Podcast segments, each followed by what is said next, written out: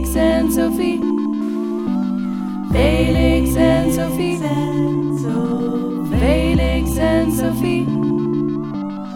Welkom bij de Felix Sophie podcast.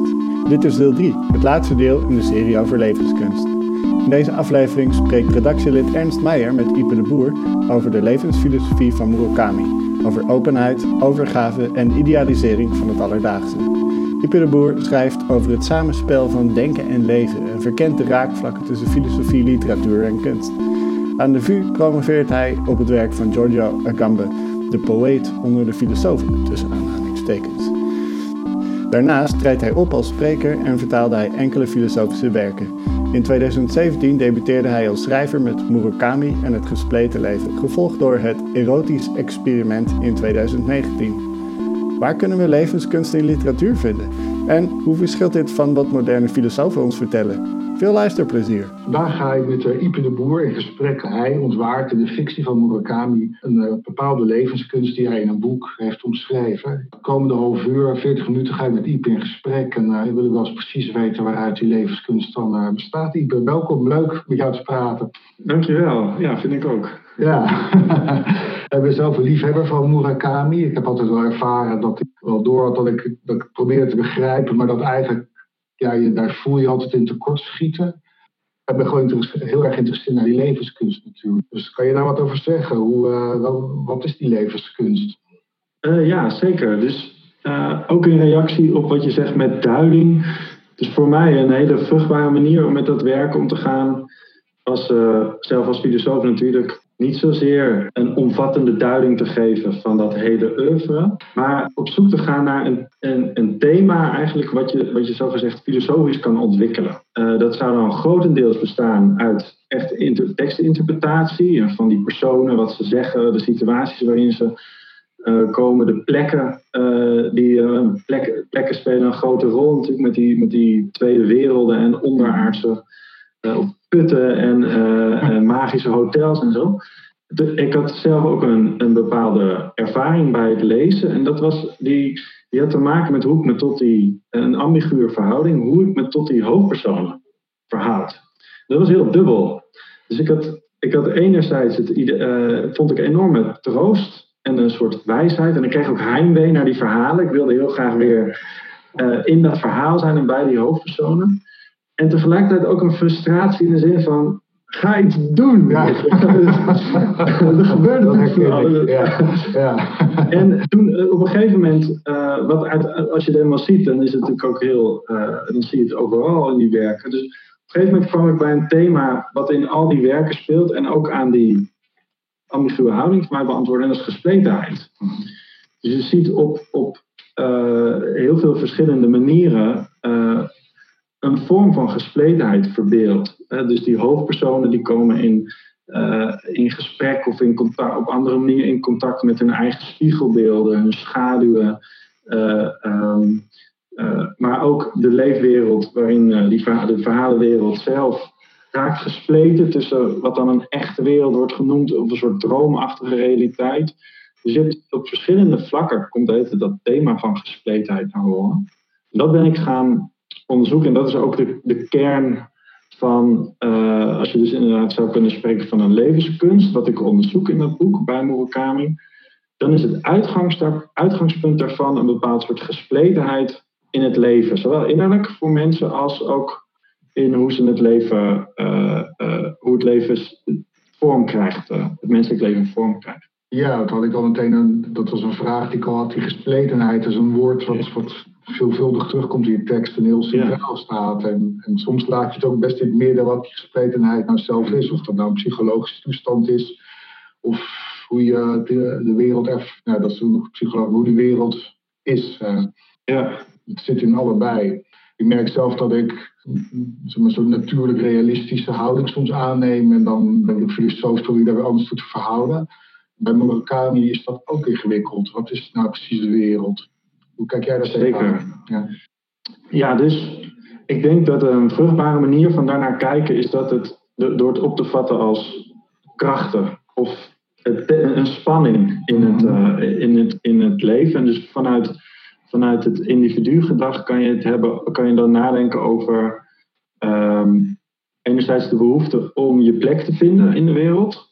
Uh, uh, dus erachter te komen wat voor iemand je bent en wat jouw rol kan zijn uh, in dit leven.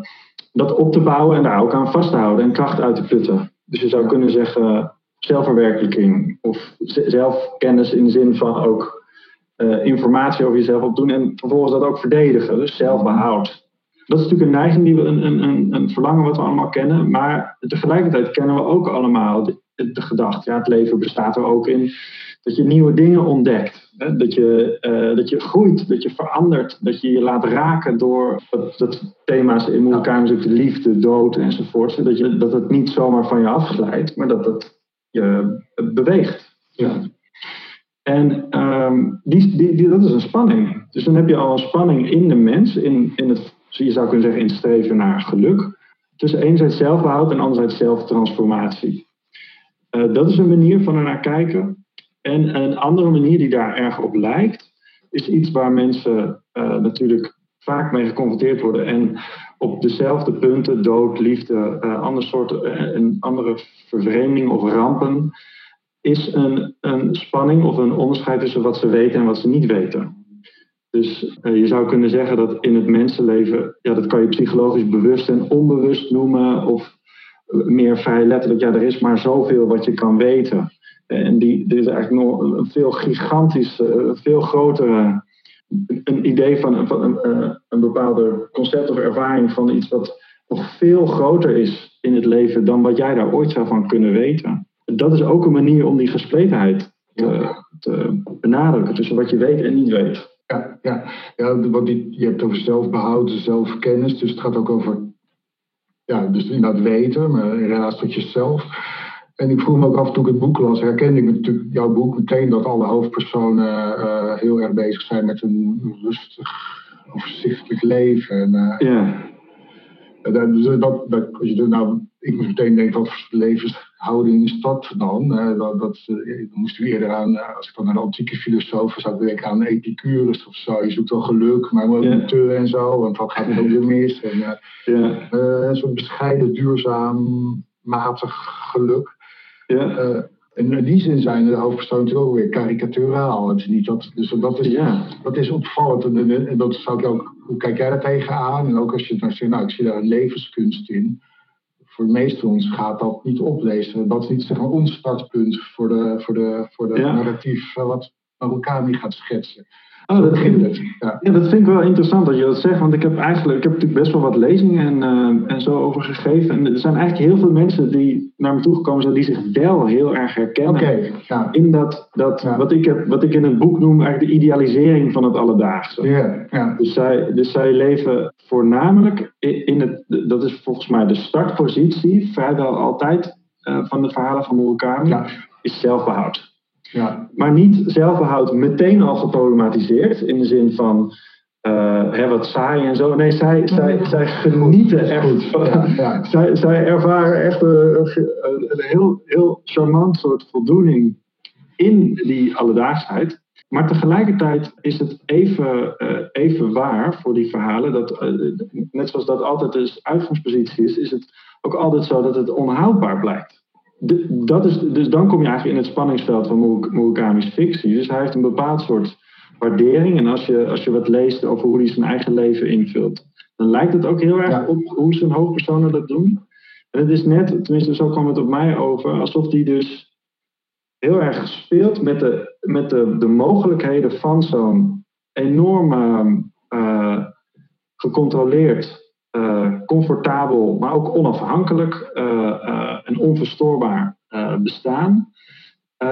en, maar laat hij dat dan steeds, bewust of niet bewust, op zijn eigen grenzen stuiten. Ja, Murakami, nou je dat zegt, moet je weer aan een boek denken dat hij over zichzelf schrijft. Want daar vind ik juist die dubbelheid heel erg sterk. Dat hij, ja, hij kan natuurlijk net als deze boeken, als hij een maaltijd maakt, wordt dat hoe gewoon ook heel liefdevol beschreven. Ja. Uh, maar tegelijkertijd springt uit zijn persoonlijk geval enorm sterke wil. Dus hij heeft ja. die, die regelmaat. ja. Maar ja, hij doet een jazzclub, hij wordt een van de beste schrijvers. En dat, dat is allemaal zeer individualistisch ja. ingegeven. Niet uh, uh, mee laten slepen door de wereld. Zijn nee. hoofd, zijn figuren in de boeken juist wel doen.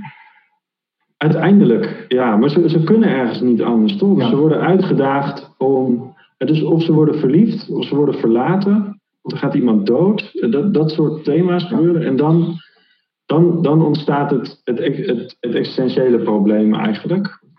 Eh, van, ze willen gewoon niet veranderen, omdat ze zich zo goed eigenlijk voelden in die oorspronkelijke situatie. Ja. Dus ze doen er eigenlijk van alles aan om zich niet te laten raken door die ja. gebeurtenis. Dan toch nog de vraag, inderdaad, jij jij eh, pareerde handig mijn opmerking dat juist veel mensen zich er wel in herkenden in de eerste positie. eh. Ehm, maar is- is dat nou no- nodig om die levenskunst te kunnen omarmen of in te zien? Of maakt dat niet uit? Nou, wat, wat, wel, wat ik denk, ik- wat denk ik een belangrijk thema is in die, eh, in die boeken, is dat ze het allemaal, ze komen er niet achter anders dan door een ervaring. Mhm. Dus, dus je moet wel ervaren, je moet zelf ergens die grenzen ervaren om dan ook. Het, eh, ik vind het ergens altijd vrij problematisch op het moment dat je iemand die heel goed in zijn leven zit en verder ook niet heel veel mensen kwaad doet daarmee aan te gaan praten dat hij eh, een slecht, eh, slecht leven leidt. Dus, dus het, is, het is ergens, het is, het is wel natuurlijk eh, het, het, het feit dat ze dingen ervaren die hen de grenzen van hun, ehm, de, de manier waarop ze de, het leven ingedeeld hadden, doen ervaren, is wel belangrijk element erin. Ik denk ook, ook op het niveau van inzicht, dus die gespletenheid, die, eh, die kan je denk ik ook, hoewel die in mijn ogen echt een fundamenteel aspect is van het bestaan, dus altijd ergens aanwezig is. Ja. Het inzicht daarin moet je wel opdoen. In mijn geval, dus mijn, toen ik twintig was, is mijn vader overleden. Mhm. En ehm, dat, ik kan me ook tijdens het schrijven van dit boek nog zo goed herinneren. Er zijn natuurlijk ook andere dingen in mijn leven gebeurd die, die een verandering van me vraagden. Maar hoe raar het is dat er dus iets gebeurd is waardoor je wereld op geen enkele. of, Nou, oké, dat is overdreven, maar eh, de fundamenten van je wereld. Ik, was, ik had een hele goede relatie ook met mijn vader. eh, weg zijn. En tegelijkertijd ben je ergens nog dezelfde. Dus je, je, eh, de, de, het, het leven is al veranderd en jij hikt er een beetje achteraan. Ja. En, dus dat is een heel raar soort situatie. En daar komen al die hoofdpersonen in. En dat confronteert je ook met allerlei aspecten van jezelf en van het leven, die in die voorgaande situatie veel minder ruimte kregen en hadden. Dus je moet wel ergens zo'n ervaring maken met die, met die onbekendheid van het leven en ook met die delen in jezelf. Die dus zeg maar, eh, ik wil zeggen sluimeren, maar ik bedoel niet te zeggen dat ze ergens al aanwezig zijn. Mhm. Uh, maar die, die ergens pas voelbaar worden uh, op het moment dat je in een situatie komt die ook nieuwe dingen van je vraagt. Ja. Ja, dus in je persoonlijke verhaal dat je vertelt, dat, dat is voor jou een soort, een soort ervaring die jou openstelt voor de, de gespletenheid die in jouw zelfbeeld zit en of jouw leven, hoe die is, hoe je daar tegenaan kijkt. Ja, dus, het- dus het breekt je ergens vrij van het idee dat je een heel duidelijk, dat het leven er heel duidelijk uitziet. Ja. En dat je, dat, je ook, dat je ook weet wie je bent. En dat het ergens dus al klaar is. Ja. Eh, dat het ook al vast ligt ergens wie je, wie je, wie je bent. En al dat soort zaken. eh, eh, dan moet je ergens achter komen dat dat dus niet zo is. Eh, want want het, het, het gaat natuurlijk niet alleen om je meest eh, intieme dingen die je over jezelf weet, maar ook letterlijk hoe je naar de wereld kijkt. Ja. Eh, En, of, en nou, die belangrijke thema's zoals de, de dood. Eh, Dus voordat mijn vader overleden was, ja, heel vaag idee van de dood. En eh, ehm, ja, dat, dat is daarna niet meer zo. En ongetwijfeld, als er weer iemand die, die belangrijk is in mijn leven overlijdt, zal dat, eh, zal dat weer op een, een nieuw, iets nieuws van me vragen. Ja. Die openheid daarvoor, en dus de openheid voor de gespletenheid van het bestaan en van jezelf, ehm, denk ik, dat, dat, dat vereist wel dat je ergens al dus ervaren hebt dat dat dus op belangrijke punten een rol gaat spelen. Dus ervaring is wel de sleutel, wat ook in de fictie van elkaar inderdaad zo is. Het is niet dat je, dat je uit een boek kan halen, dat is wat je daarmee zegt. Ja, dus dus ik ben zelf natuurlijk een theoretisch mens. Dus ik, ik, ik kan echt eh, voor me, ik kan er heel veel leven uit boeken halen. Daar voel ik me ook heel gezegend mee.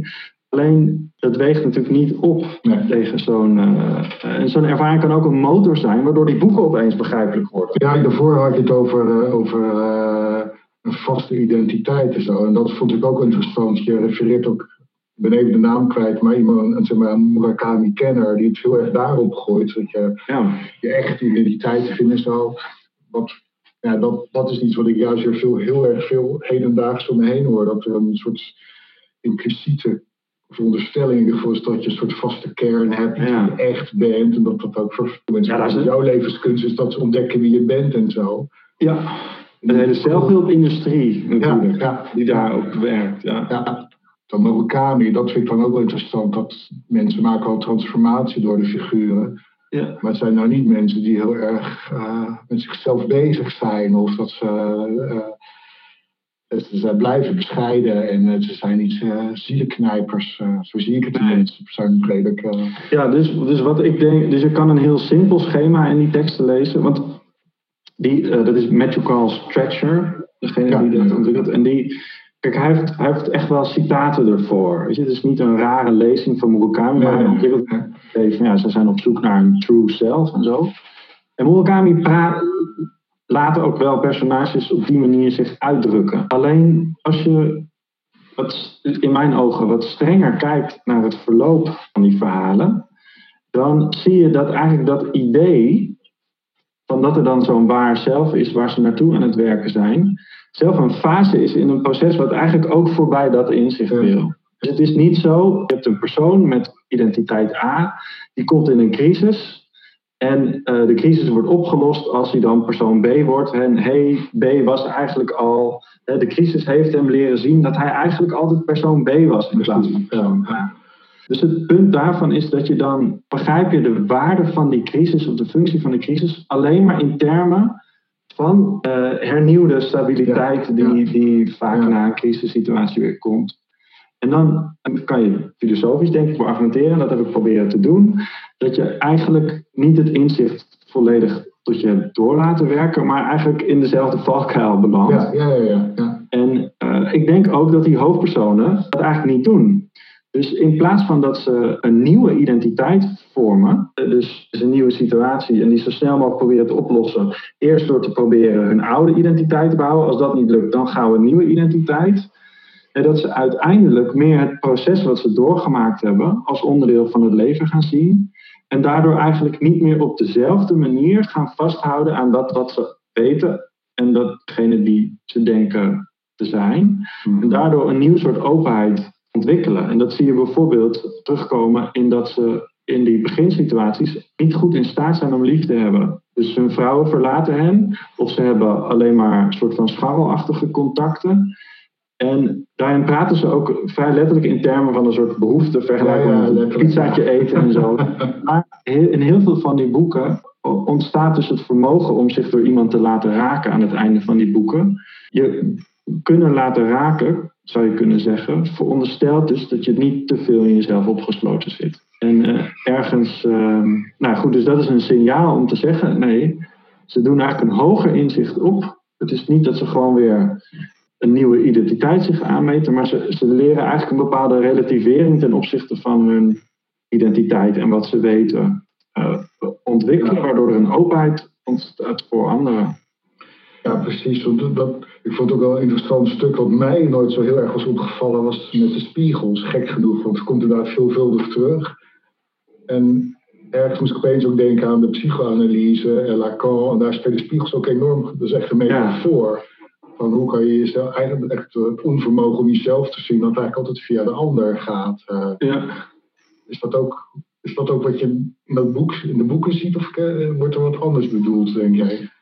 Ja, wat ik mooi vind aan die, aan die spiegels is dat ze. In, dus een, een spiegel is natuurlijk in eerste instantie, zou je kunnen zeggen, uitgelezen plaats om je van jezelf te vergewissen eigenlijk. ja, ja, ja, Dus, eh, oh, dit ben ik, oké, Ja. weet je wel.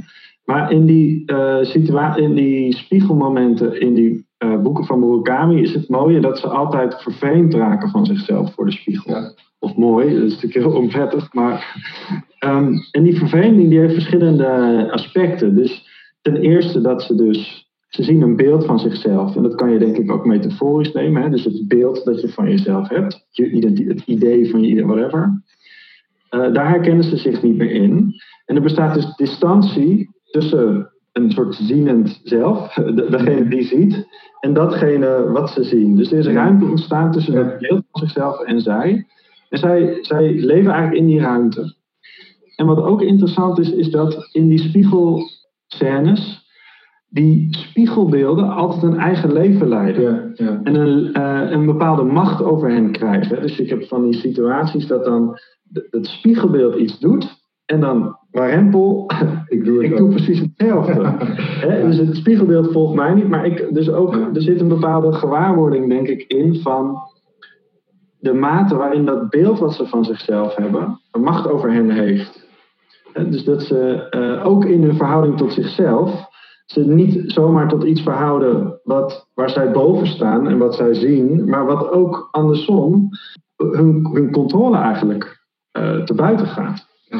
En uh, voor mensen die zo erg op controle zitten en zelfbehoud en onafhankelijkheid als die hoofdpersonen, is dat natuurlijk een heel heftige. Dat heb ik uit die spiegels gehad. Ja. Ja, het is wel interessant. Je kan inderdaad heel veel kanten op ook van wie uh, is het nou het zelfbeeld wat hij ziet, of dat hij het zelfbeeld zorgt dat hij misvormd ziet. Dus, dus de rijkheid wordt er heel groot. Absoluut. En daar ontstaat dan ook een soort de openheid, dat hoe je de wereld ziet en is, dat, daar, dat je daar. Nou, daar mag je bescheiden in zijn. Dat, ja, ik moest ook denken aan. Uh, dat komt omdat ik uh, een van de voorgesprekken ging over ja, hoe, je, hoe zeg maar, Hegel in filosofische gesprekken kan worden gebruikt.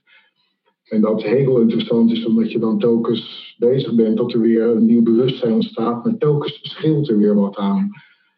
Dat is ook nooit klaar. Dat, nou, nu ik zo met jou praat, dat ik nog niet tijdens lezen, maar nu zo van dus die openheid. En ja, ik kom niet bij identiteit B, dan ben je klaar. Misschien duurt dat dan heel even, maar de wereld is alweer verder als jij dat hebt net vastgesteld. Dus er zit echt ook een dialectiek in hmm. Murakami wellicht. Ja, ja, nou, wat leuk is, Hegel in gesprek hoeft niet, hè, want volgens Derrida, zodra je je mond open doet, het Hegel gelijk. ja, zegt Derrida dan weer. Ja, precies. Ja. uh, maar uh, ja, wat interessant is aan Hegel is dat het natuurlijk wel een eindpunt is. Dus, ja. dus bij Hegel, ja, dus je zou eerder bij, uh, dus bij Hegel, het is zo, Hegel is zo zo rijk. Dus eigenlijk, uh, eigenlijk mogen we helemaal niet dat nu Als je algemeen over die, zeg maar, als je in termen van die, uh, wat trouwens niet Hegel's eigen termen zijn, zijn maar these, antithese, synthese, mm dan is er wel een soort opheffing van het probleem in een nieuwe identiteit. En het mooie van de geest is natuurlijk dat dat dan zelf een these wordt. tenminste, de manier waarop ik Murakami heb proberen te lezen, is het dus uh, zonder opheffing. Dat wil niet zeggen zonder berusting, want ergens is de, de, de, de truc natuurlijk dat je dus. Uh, Oké, dus zo'n synthese zou eigenlijk een nieuwe identiteit zijn. De incorporatie van het vreemde wat in je leven kwam. En nu ben je de new and improved Ipe in mijn geval. Hoe ik het hier heb proberen te, te, te lezen, is dat ze eindigen op, op een punt wat een rest overlaat. Dus, dus het inzicht dat ze opdoen is dat die gespleetheid dus niet ophefbaar is. Dat is eigenlijk een blijde boodschap. Uh, dus uh, in de zin van um, die ruimte die er altijd is tussen hoe je over jezelf denkt en, en wie je bent. En ook tussen wat je denkt dat het leven te bieden heeft en wat het in werkelijkheid te bieden heeft. Die creëert precies die openheid door mooie dingen. Uh, ja, precies. Ik denk dat je volgens bij Hegel kan je natuurlijk zeggen van nou dat, dat, dat dialectische treintje loopt telkens opnieuw door tot het volgende probleem zich aandient en je beeldidentiteit niet meer klopt. En het volgende. Uh, ja. Zou jij zeggen, nee, maar dat is meer een, een, durende eindpunt wat niet zozeer over een nieuwe identiteit gaat, maar die open houding ten opzichte van het leven zelf. Uh, ja. De, de overgave aan de, aan de gespletenheid. Ja, dus een, een, korte opmerking nog over Hegel. Kijk, er zit in, in Hegel natuurlijk een soort filosofisch verlangen, wat, waarin de poging bestaat om het negatieve, dus dat wat je nog, nog niet ziet of niet weet, in het goede op te nemen. Ja. Dus alles, en dat is. Zeker. Ja. Dat, is, dat, dat, is, dat is eigenlijk wat ik. Wat, dat zei ik net voordat we het gesprek begonnen. Dat ik, ergens, dat, ik ergens ook nu dit boek toch stiekem alweer een beetje jong vind. Ja, ja dat wil ik nog vragen, inderdaad. Ja, het, was, het was een geweldig. Uh, geweldig om te doen, om in die wereld te storten. En ik denk, ik sta er ook voor een heel groot gedeelte nog achter. Maar er ontbreekt dus eigenlijk, het, het thema van het goede ontbreekt. Ja, dat was nog, wat daar wilde ik inderdaad naar vragen. Want dat is natuurlijk bij de antieke levenskunst wel, het goede leven. Dat was natuurlijk in een tijd Ja. dat het makkelijker te definiëren was. En in je, in je, in je hele boek hou je ook, daar ben je best strikt in, eh, in, eh, in het soort neutraal houden van wat er gebeurt. Maar er Ja. sluipen af en toe woorden in als groei en, en Ja, precies. improved you, uh, me in. Maar je, maar, maar je articuleert het nooit. En, en de boeken van Murakami geven er eigenlijk ook weinig ruimte toe. Om te Ja, dat je beter af bent. eh, eh, Ja. Dat het goede eh, bevorderd is. Dat is nog beter gezegd, denk ik.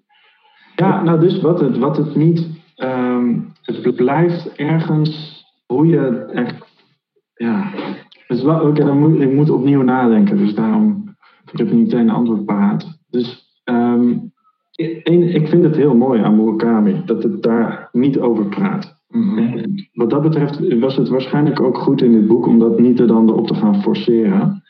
Alleen, er is natuurlijk een, wel een vraag waarvoor filosofen in ieder geval gevoelig zijn. En veel, ook veel mensen die niet per se iets met filosofie te maken hebben. En dat is de vraag naar het goede. Niet alleen het goede leven van doe ik mijn eigen leven goed, maar ja, kan ik goed zijn? Ja. En wat betekent dat?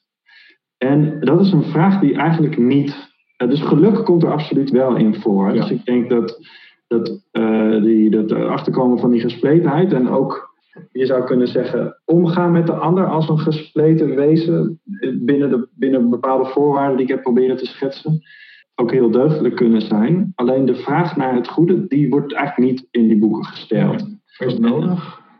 Eh, het nou, het is niet nodig. Alleen ik merk daarin dat het, eh, het is een vraag die je volgens mij uiteindelijk niet kan vermijden. En dit boek eh, vermijdt die vraag. Ja, ja, ja. En, en toe lekt het er dan toch doorheen. Dat, eh, Ja, er dat zitten diep natuurlijk zit. voorkeuren in en zo bij ja. Murakami en bij mijzelf. En, Tuurlijk, eh, ja. ja. Ja, dus dat is wat er dan inderdaad gebeurt. Maar dat is je levenskunst in de ruime zin. Dan, gaat het zeker, zeker vaak over zingeving, kom in de buurt van het goede. Het gaat zeker ook over geluk. En het gaat volgens mij ook over vrijheid. En vrijheid zit ook heel erg in Murakami. En geluk zit- Want het, Ja. De beginpositie is niet houdbaar, dus is het ook niet gelukkig. Dat, dat red je niet. Je moet eh Ja. comfortzone. En vrijheid eh, eh, ontstaat juist in die openheid accepteren. Absoluut, ja. Ja, en ik denk, dus ik denk, want het gaat natuurlijk ook over liefde en zo. Dus Ja. ik denk dat dat allemaal voorwaarden zijn voor wat in mijn ogen waardevolle vormen van liefde zijn. Ja. Dat, dat, ja, dat ben je eigenlijk ook al met het goede bezig natuurlijk. Alleen, ja, het blijft heel erg, het blijft heel erg bij die omgang met jezelf en de omgang met eh, existentiële thema's. En goed, nee, dat heeft zijn eigen schoonheid natuurlijk. Ja. Ja, dat, dat was ook nog een. eh, je doet eh, in je boek eh, aantekeningen eh, waar je nog eens over hebt. Met z'n anderen, dan betrek je wel filosofen, Badiou, Agamben, Nietzsche komt voorbij. Ja. En, en als je alle aantekeningen bij elkaar pakt, dan denk ik, nou, daar zit een fors eh, brok maatschappijkritiek dan in. Ja, waar, waar Murakami zichzelf ook heel goed voor leent. Hè? Dus die hoofdpersonen die zijn echt wars van alles wat ook maar een beetje op ideologie lijkt. Of het nou religieus is of politiek. Daar krijg je vormen van je bevrij- bevrijden van ideologisch gedachtegoed en ideologische systemen. Die denk ik in, in termen van vrijheid en kritisch denken eh, cruciaal zijn. Er zijn verschillende manieren waarop mensen identiteit of in een ideologie dat hoort natuurlijk bij elkaar. Dus een goede ideologie, die biedt jou je ware zelf. Ja, Dus, daar krijg je er gewoon cadeau bij. ja, precies. Ja, en dus, dus ook zo'n hoofdpersoon in eh, Kafka op het strand, die leest dan Eichmann in Jeruzalem van Hannah Arendt. eh, over de banaliteit van het kwaad. En dat is denk ik niet voor niks dat dat Murakami aanspreekt. Want daar is precies het thema dat kwaadaardigheid, eh, we waar we daarover moeten denken, meer in termen van onnadenkendheid. Dus het onvermogen om je kritisch te verhouden ten opzichte van de ideologie, de identiteiten enzovoort. De instrumenten, eh, dat doet Hannah Arendt's filosofie natuurlijk ook, maar dat doen ook Nietzsche en Agamben en, Foucault en zo. Mensen die eh, ik, ik waardeer, filosofen die ik zeer waardeer. Geef je instrumenten in handen om die valkuilen te leren kennen. Mhm. En eh, tegelijkertijd is het is het daarmee nog niet duidelijk dat filosofie en kritisch denken ook nog iets anders kan dan dat. Je bevrijden van Ja. enzovoort. En eh, dus dat is om aan te haken waar we het net over hadden. Dat is wel een. Moeten we dan het goede leven, filosofisch gezien, helemaal denken puur in de termen van dat bevrijden? Eh, of moet er ook meer aandacht komen voor hoe het leven er dan uitziet? Wat eigenlijk het goede. Dus stel je bevrijdt je, je stapt uit. Bij Agama kan je zeggen de cirkel van geweld. Dat je ergens op dit schema ook kan passen. Dus ofwel geweld om een identiteit te behouden, ofwel geweld om een andere identiteit te stichten. Dus revolutie versus eh, constitutioneel geweld. Als het dan mogelijk is, filosofisch gezien, om uit die cirkel van geweld te stappen, die cirkel van identiteit, dat is tegelijkertijd de toegang tot een andere soort van leven. Wat ook een klassiek thema aan de filosofie is natuurlijk, de filosoof verlaat de stad Ja. om eh, het goede leven te betreden eigenlijk.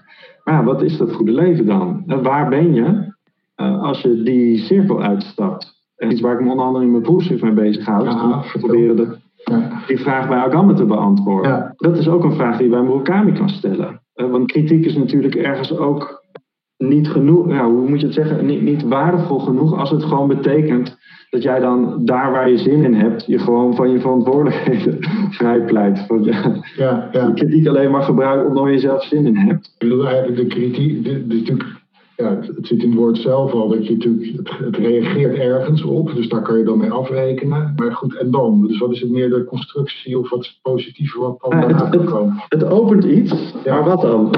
Ja. En zeker omdat je dat dus niet in dezelfde termen kan denken als dat waar het zich van bevrijdt. In termen van een identiteit en ook niet in termen van een protocol of een beleid. Nee. Ik denk dat daar heel veel meer over te zeggen is, alleen dat het niet makkelijk is. Nee, dus, dus als we ook eh, teruggaan naar het boek waar levenskunst, het eh, overgave van de openheid is. Daar zitten, ja, als ik heel flauw zeg, zit er zo'n go with the flow element in. Dus je gaat mee met wat het leven is. Dat, nou, dat is zeker een kunst om dat goed te doen, denk ik. Eh, Maar daarmee is het ook een soort, dus die overgave, waar, waar zit dan de controle? Waar zit dan, eh, ja, het goede is misschien dan de, dat kompas of zo. En dat mis je dan nog. eh. Bijvoorbeeld, en, en het gaat natuurlijk, alles hangt er dan om welke, hoe moet je die flow denken dan? Ja, Want ja. die, die, dat, dat zeggen die hoofdpersonen van Murakami ook wel, dus mee laten bewegen door de stroom. Ja, dat kan je op heel veel manieren doen. Is dat fatalisme? Is dat indifferentie? Eh, is dat, eh, zitten daar subtielere verhoudingen ten opzichte van het leven? Ja. Eh, want zeker gezien de dissociatie die ze ervaren met het leven en met, met wie ze waren, kan het nooit meer dan een gewoon totaal geven aan, dat waaraan je overgegeven. Hoe zeg je dat? Ja, ja, ja, ja. Er komt ook de vraag naar een kompas op. Dat is zo. En zeggen dat het leven zelf je kompas is, ja, wat zeg je dan, wat zeg je dan eigenlijk? Dat is, dat is, dat is zo. Ja, goed, daar wordt het eigenlijk interessant. hè. Dus Ja. het is niet, nog interessanter. Ja. Dus ik probeer dit niet alleen maar te zeggen van hier komt het denken in de knoop. Of als ik ook bij mezelf blijf. Ik, ik moest mezelf misschien ook via dit boek opwerken naar dat probleem. En dat het niet Ja. alleen maar meer een theoretisch probleem Mhm. is, maar dat het eh, ja, voelbaar wordt. Dus en je, waar je nu met je onderzoek mee bezig bent, eh, via Agamba gaat dus wel ook hier echt over. Agamba die staat, is beroemd en even beroemd als berucht om zijn eh, kritiek op de westerse. Politieke filosofische traditie. Hij staat vooral bekend om wat hij dus allemaal, je zou kunnen zeggen, bekri- bekritiseert of afbreekt. Ja. En ook in de academische literatuur is er dus heel veel ofwel kritiek of oprechte vraag naar, oké, maar weet je, wat, wa- wa- waar, waarom eigenlijk? Ja. Tenminste niet waarom, want negatief is heel goed aan te wijzen Ja, maar wat wat er allemaal fout is. Ja. Maar waartoe of zo? Waar komen we dan? En eh, er zijn heel veel aanwijzingen in Agamba's filosofie voor, denk ik. Alleen die zijn heel enigmatisch, poëtisch, mystiek in vergelijking met de, de, de, de meer kritische kant ervan.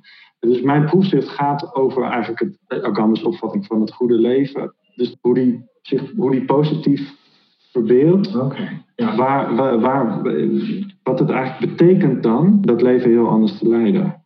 Ja, want we hebben denk ik over de term potentialiteit die gebe- gebezigd wordt. En die, die bij mij ook eens bezig hield van, ja, maar dat, dat leidt dan uiteindelijk weer tot stilstand. Want dat is denk ik niet wat er bedoeld wordt, maar dat is zeg maar wel snel Ja. waar je denkt, omdat je niet mist, wat doe je daar dan mee vervolgens? eh? Ja, En tot nu toe is alles, alles wat richting ideologie gaat, kan alleen maar tot het kwaad leiden. Dat Precies. Ja, Dus ook je, je, je, je, je reactie is heel sprekend. Dus, dus dat is eigenlijk hoe mensen ook reageren van ja, maar dat leidt dan toch tot passiviteit. Nou, dat zal het wel niet zijn, maar dat is wel, dat is precies dus de, maar wat dan? ja, En het is een heel, iets heel complex wat eruit komt.